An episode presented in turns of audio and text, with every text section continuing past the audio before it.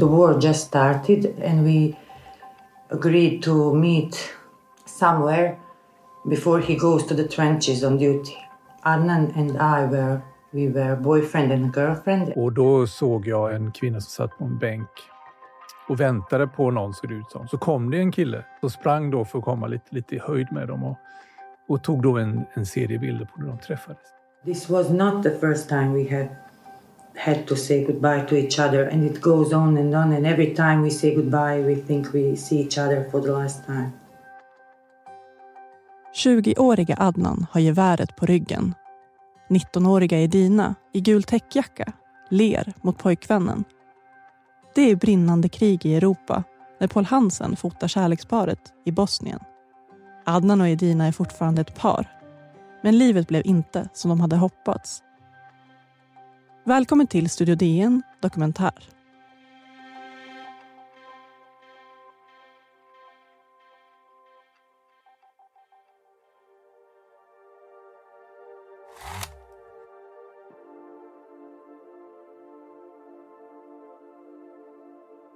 We were young, we were in love, we were worried about each other because the shooting was on. I don't remember what we talked about. When we, pričali smo o svemu samo na vratu. uh, we talked about everything but, but the war. Tried to escape from the situation. Adnan och Edina Babanovic vet vad krig gör med människor. De var med. De offrade fyra år av sin ungdom på den blodigaste konflikten som Europa har skådat sedan 1945. Han som soldat och hon som sjuksköterska vid fronten. We should run away. It was pointless. That's our biggest regret because we didn't go away, because it was all for nothing. You cannot escape from the past, no matter how, how hard you try. Det låter som en hälsning till unga män och kvinnor längre österut i Europa som just har dragit på sig uniformen. Det var jag och Knutte Kjellberg, Knut-Göran Kjellberg på Expressen som hade fått uppdrag att skildra vad som skedde i kriget. Och vi hörde att Travnik var en, eh, en by som låg väldigt nära fronten. Det här är Paul Hansen som är fotograf på Dagens Nyheter. Vi gjorde ju då gör som man alltid gör när man kommer in i en sån där by. Man eh, går runt och pratar med folk och så hörde vi talas om att det fanns ett ställe, eller en park som var bakom eh, moskén mitt i byn, en av moskéerna mitt i byn, där de begravde människor från striderna. Och vi gick dit och då såg jag i samband med det såg jag en kvinna som satt på en bänk och väntade på någon såg det ut som. Så kom det en kille med uniform och jag hann ju tänka de kanske ska mötas och sprang då för att komma lite, lite i höjd med dem och, och tog då en, en serie bilder på när de träffades. Fotografen Paul Hansens bild på Adnan och Edina publicerades i Expressen den 29 november 1992. Den fick stor uppmärksamhet, även i Bosnien. Det är en sån här bild som visar egentligen krigets absurditet på så många plan för att i höjd med dem i förgrunden så är det nygrävda gravar. Människor som är faktiskt deras vänner, deras bekanta och vänner och hans medsoldater utifrån fronten. Och det, den platsen där har de valt då som mötesplats för att som de sa till oss nu när vi träffar dem igen då. Eh, det var svårt att hitta någon plats där de kunde få vara i fred, ett ungförälskat par. Det är trångbott och allt det där. Och när jag väl har tagit den där bilden så började det skjutas eh, granater i byn och ganska nära och bild, tre, fyra exponeringar efteråt så ser man att Adnan och Edina hukar sig ner. Och då vinkar han till mig och så springer vi bakom huset i lä. Och det är bakom det huset som Knutte Kjellberg ansluter och så gör vi intervjun då i 15-20 minuter för 30 år sedan. Idag är platsen bakom stadens centrala moské en permanent begravningsplats. Brädorna har ersatts av prydliga vita gravstenar Födelseåren på stenarna är olika. Men dödsåren alltid 1992, 93, 94 eller 95.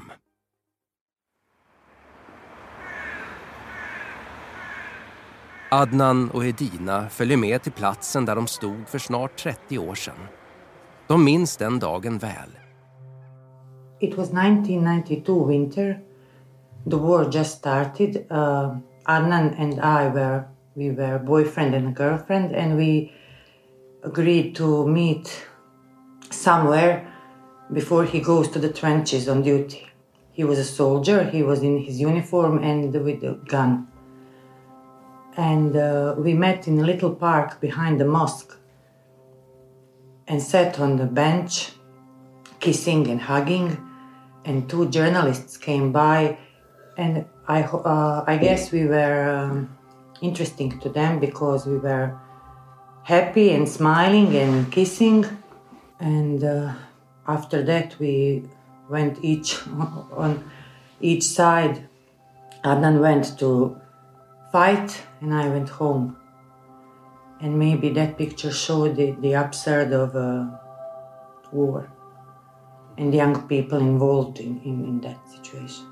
Uh, this was not the first time we had had to say goodbye to each other. Every time he, he goes up on the mountains on the trenches with the army and then he comes back and it goes on and on and every time we say goodbye we think we see each other for the last time.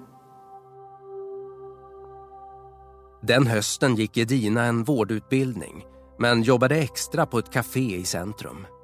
Hon hade just gått av sitt skift.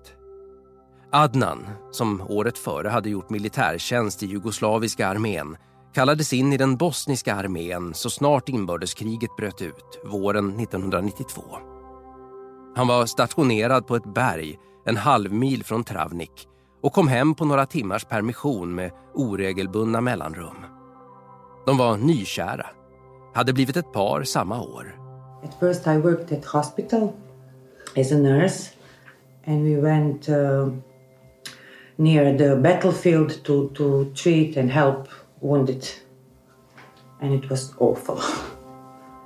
Every time they, they bring a wounded soldier, it was common that head of a wounded person is in front and the, when you pull him out of the vehicle, it's uh, boots first. And that moment when, when, I, when they pull him, and I'm looking at the boots and, and trying to recognize his and praying that it's not him, and that moment from toes and boots to the head is eternity. Every time. Adnan minns det som att staden var farligare än skyttegravarna. Jer se nismo mogli braniti. In one hand, maybe it was harder for me to go to fight, or it is harder for them to stay and not be able to defend themselves.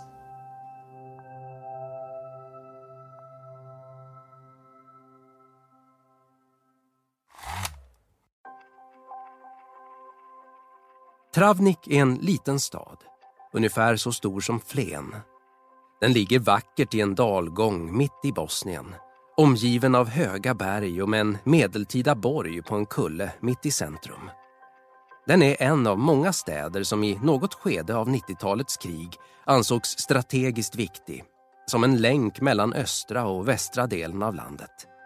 Just därför blev kriget så förödande här. Granaterna som regnade över Travnik hösten 1992 avfyrades av bosnienserbiska styrkor i bergen runt staden. Det var en del av en offensiv med syfte att knyta samman områden där serber bodde. Men Travnik föll aldrig till serberna. Och 1993 bröt istället strider ut mellan kroater och bosniaker i staden. De två grupper som har bott grannar här i många generationer. Bosniaker är det namn som på 1990-talet gavs till den största folkgruppen i Bosnien, den som tidigare kallades muslimer. Adnan och Edina är inte religiösa. De vill hellre kalla sig bosnier än bosniaker. Islam är en del av deras historia och identitet, inte en religion de egentligen praktiserar. Precis som många av deras kroatiska grannar förhåller sig till sin katolska religion eller många serber till den ortodoxa. I det socialistiska Jugoslavien sopades religiösa och etniska identiteter under mattan. Ändå, eller just därför, var det i religionernas och identiteternas namn som tusentals människor dödades eller tvingades på flykt bara i lilla Travnik. Jämfört med före kriget har befolkningen krympt med en fjärdedel till under 15 000. Här bor nu drygt 60 procent bosniaker och 30 procent kroater. We live in a small town where everybody knows everyone. And he, his, uh, his father was a shoemaker. And on the line during the attack with him was another boy whose father is a shoemaker. And I was on the other side with the army on the other battlefield, and someone said, uh, a shoemaker's son is dead. And I thought it was him.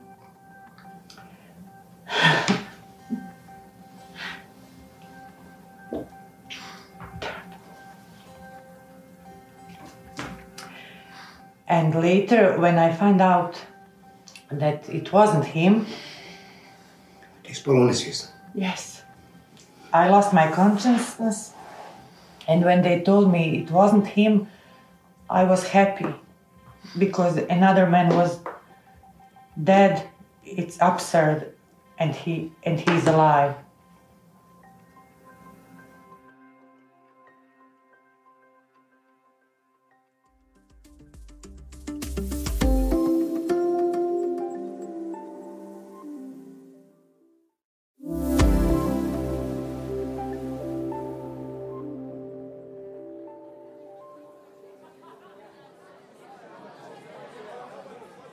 Adnan är stadens enda skomakare och har kunder ur båda grupperna.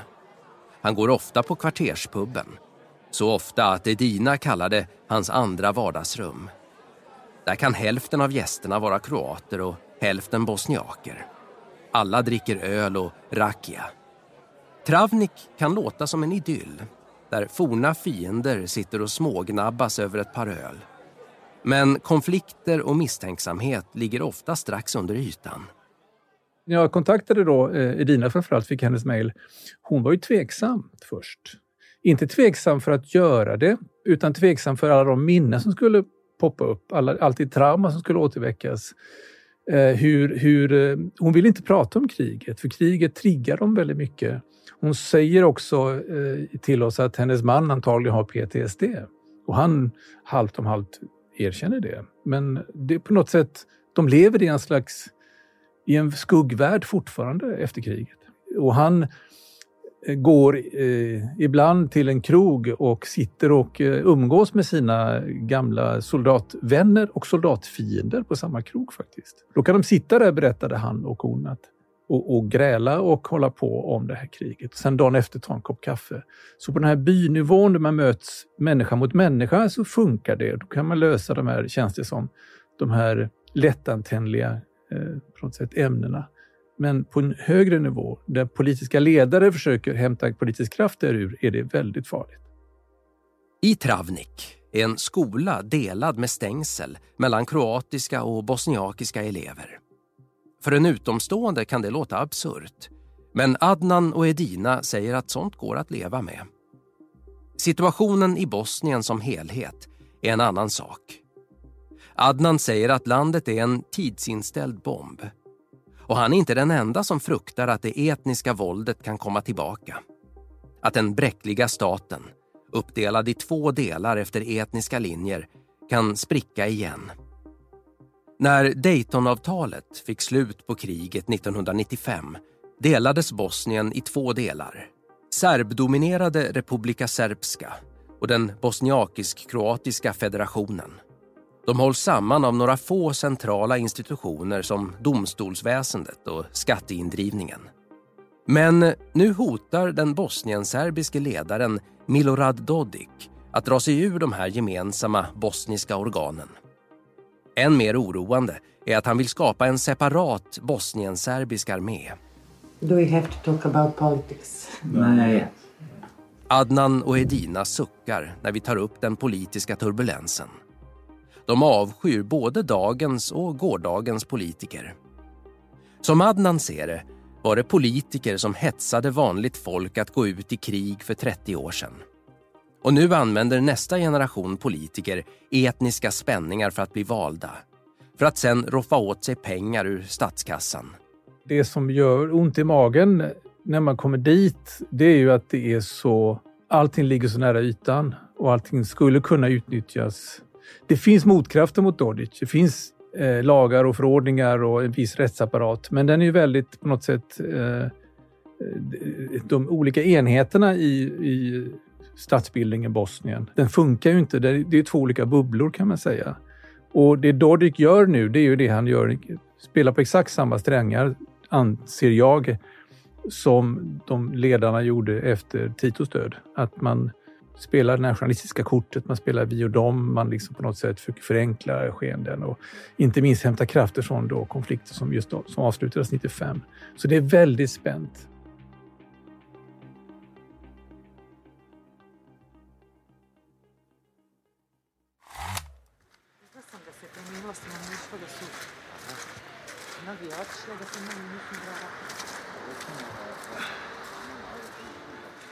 When we went to the place where uh, pictures were taken in 1992, when we went back there now, we feel I can't say nothing. We, we, it's just a flat line. Možda je sebično. Maybe it's selfish to say that, but Hoćeš da se odmakneš, hoćeš distancu od You want to distance yourself from all of that. Sve je bilo uzalud. Because everything, it seems like everything was for nothing. All that. I mrtvi na svim stranama su bez that, veze mrtvi. Dead people in, on each side are dead for nothing. Edina och Adnan hör till de som överlevde. Ett år efter kriget gifte de sig. Idag är de 48 och 49. De har lyckan att ha varandra och två vuxna döttrar. Men ändå blev livet efter kriget inte som de hade hoppats. Båda två hade möjligheter på olika sätt att fly staden eh, och tog dem inte. Och det ångrar de idag. För eh, när vi gick där i stan och gick, gick till den här platsen där jag tog bilden för 30 år sedan. Då pratade de om att det här omkring oss på gravplatsen där, det är deras vänner. Och de känner ju en överlevnadsskuld, en, alltså en survivor's guilt som det heter. Att till vilket pris dog de här människorna? Och var, varför har vi offrat vår ungdom för, det här, för den här konflikten? Att det skulle kosta så enormt mycket människoliv och annat, det, det var ingen som visste. Så jag tror att det var mer ovisshet. Men nu efteråt så säger de att det var deras livs största misstag. Kažnjen jednostavno. Yeah. He feels we are, uh, we are punished. Sad teret je na, yeah, all burden is on us. We are very sorry for those people and, and their families, but the main feeling is disappointment. After the war, we tried to, to get up and go on with our lives, but it was very hard, it was struggle. And all of a sudden, 10, 15 years goes by, nothing gets better. And now we are middle aged. Rodili smo djecu koju nagovaramo da, da idu od and nas. we have our children and we, we tell them go away. We don't want you to have our life, to live our life.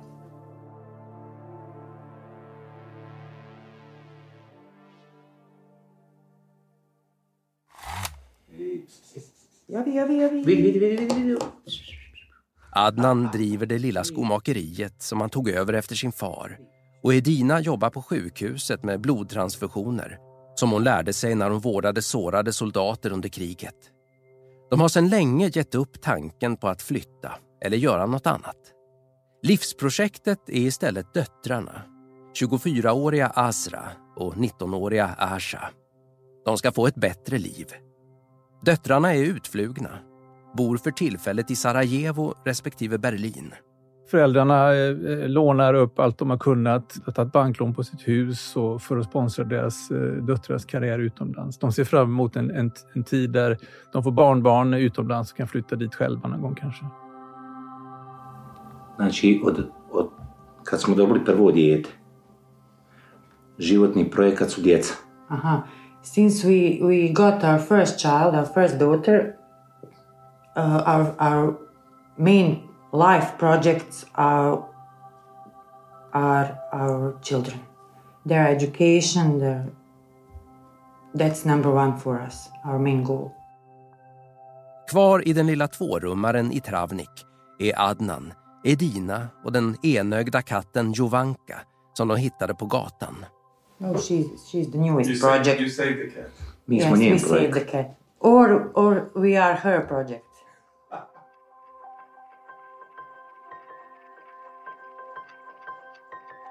Jag hade ju en enda bild i huvudet när jag åkte dit. Det var ju att ta bild på samma ställe. Och det var ju inte helt okomplicerat för att det, det liksom, de, de tyckte det var okej, okay, för det blir ju som att knyta ihop säcken på ett sätt visuellt också. Men det ser lite annorlunda ut. Det är ganska svårt att få samma typ av ska man säga, närhet i den bilden. Men jag blev eh, väldigt glad när vi står där och ska, ska få, försöka få dem att stå på rätt ställe så att det blir rätt vinkel.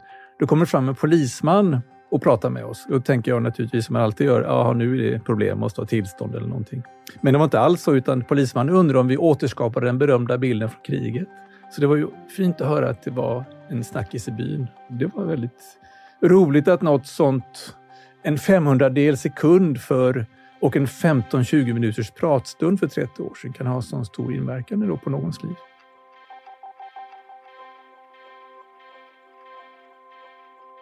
Det här avsnittet har producerats av mig, Madeleine Longo. Exekutiv producent var Malin Timan. De medverkande var Adnan och Edina Babanovic som är bosatta i Travnik i Bosnien. Klippen från tidigare Studio DN var producerade av Sabina Marmelakai och Sanna Thorén Björling hade intervjuat Dagens Nyheters fotograf Paul Hansen. Ljudtekniker var Patrik Miesenberger och berättarrösten var Per Julin från Beppo ljudproduktion. Texten har skrivits av DNs reporter Ingmar Neveus och fotograf var Paul Hansen. Redaktör för texten var Shilan Dilchen och musik var från Epidemic Sound. Det här var en produktion från Dagens Nyheter och Bauer Media.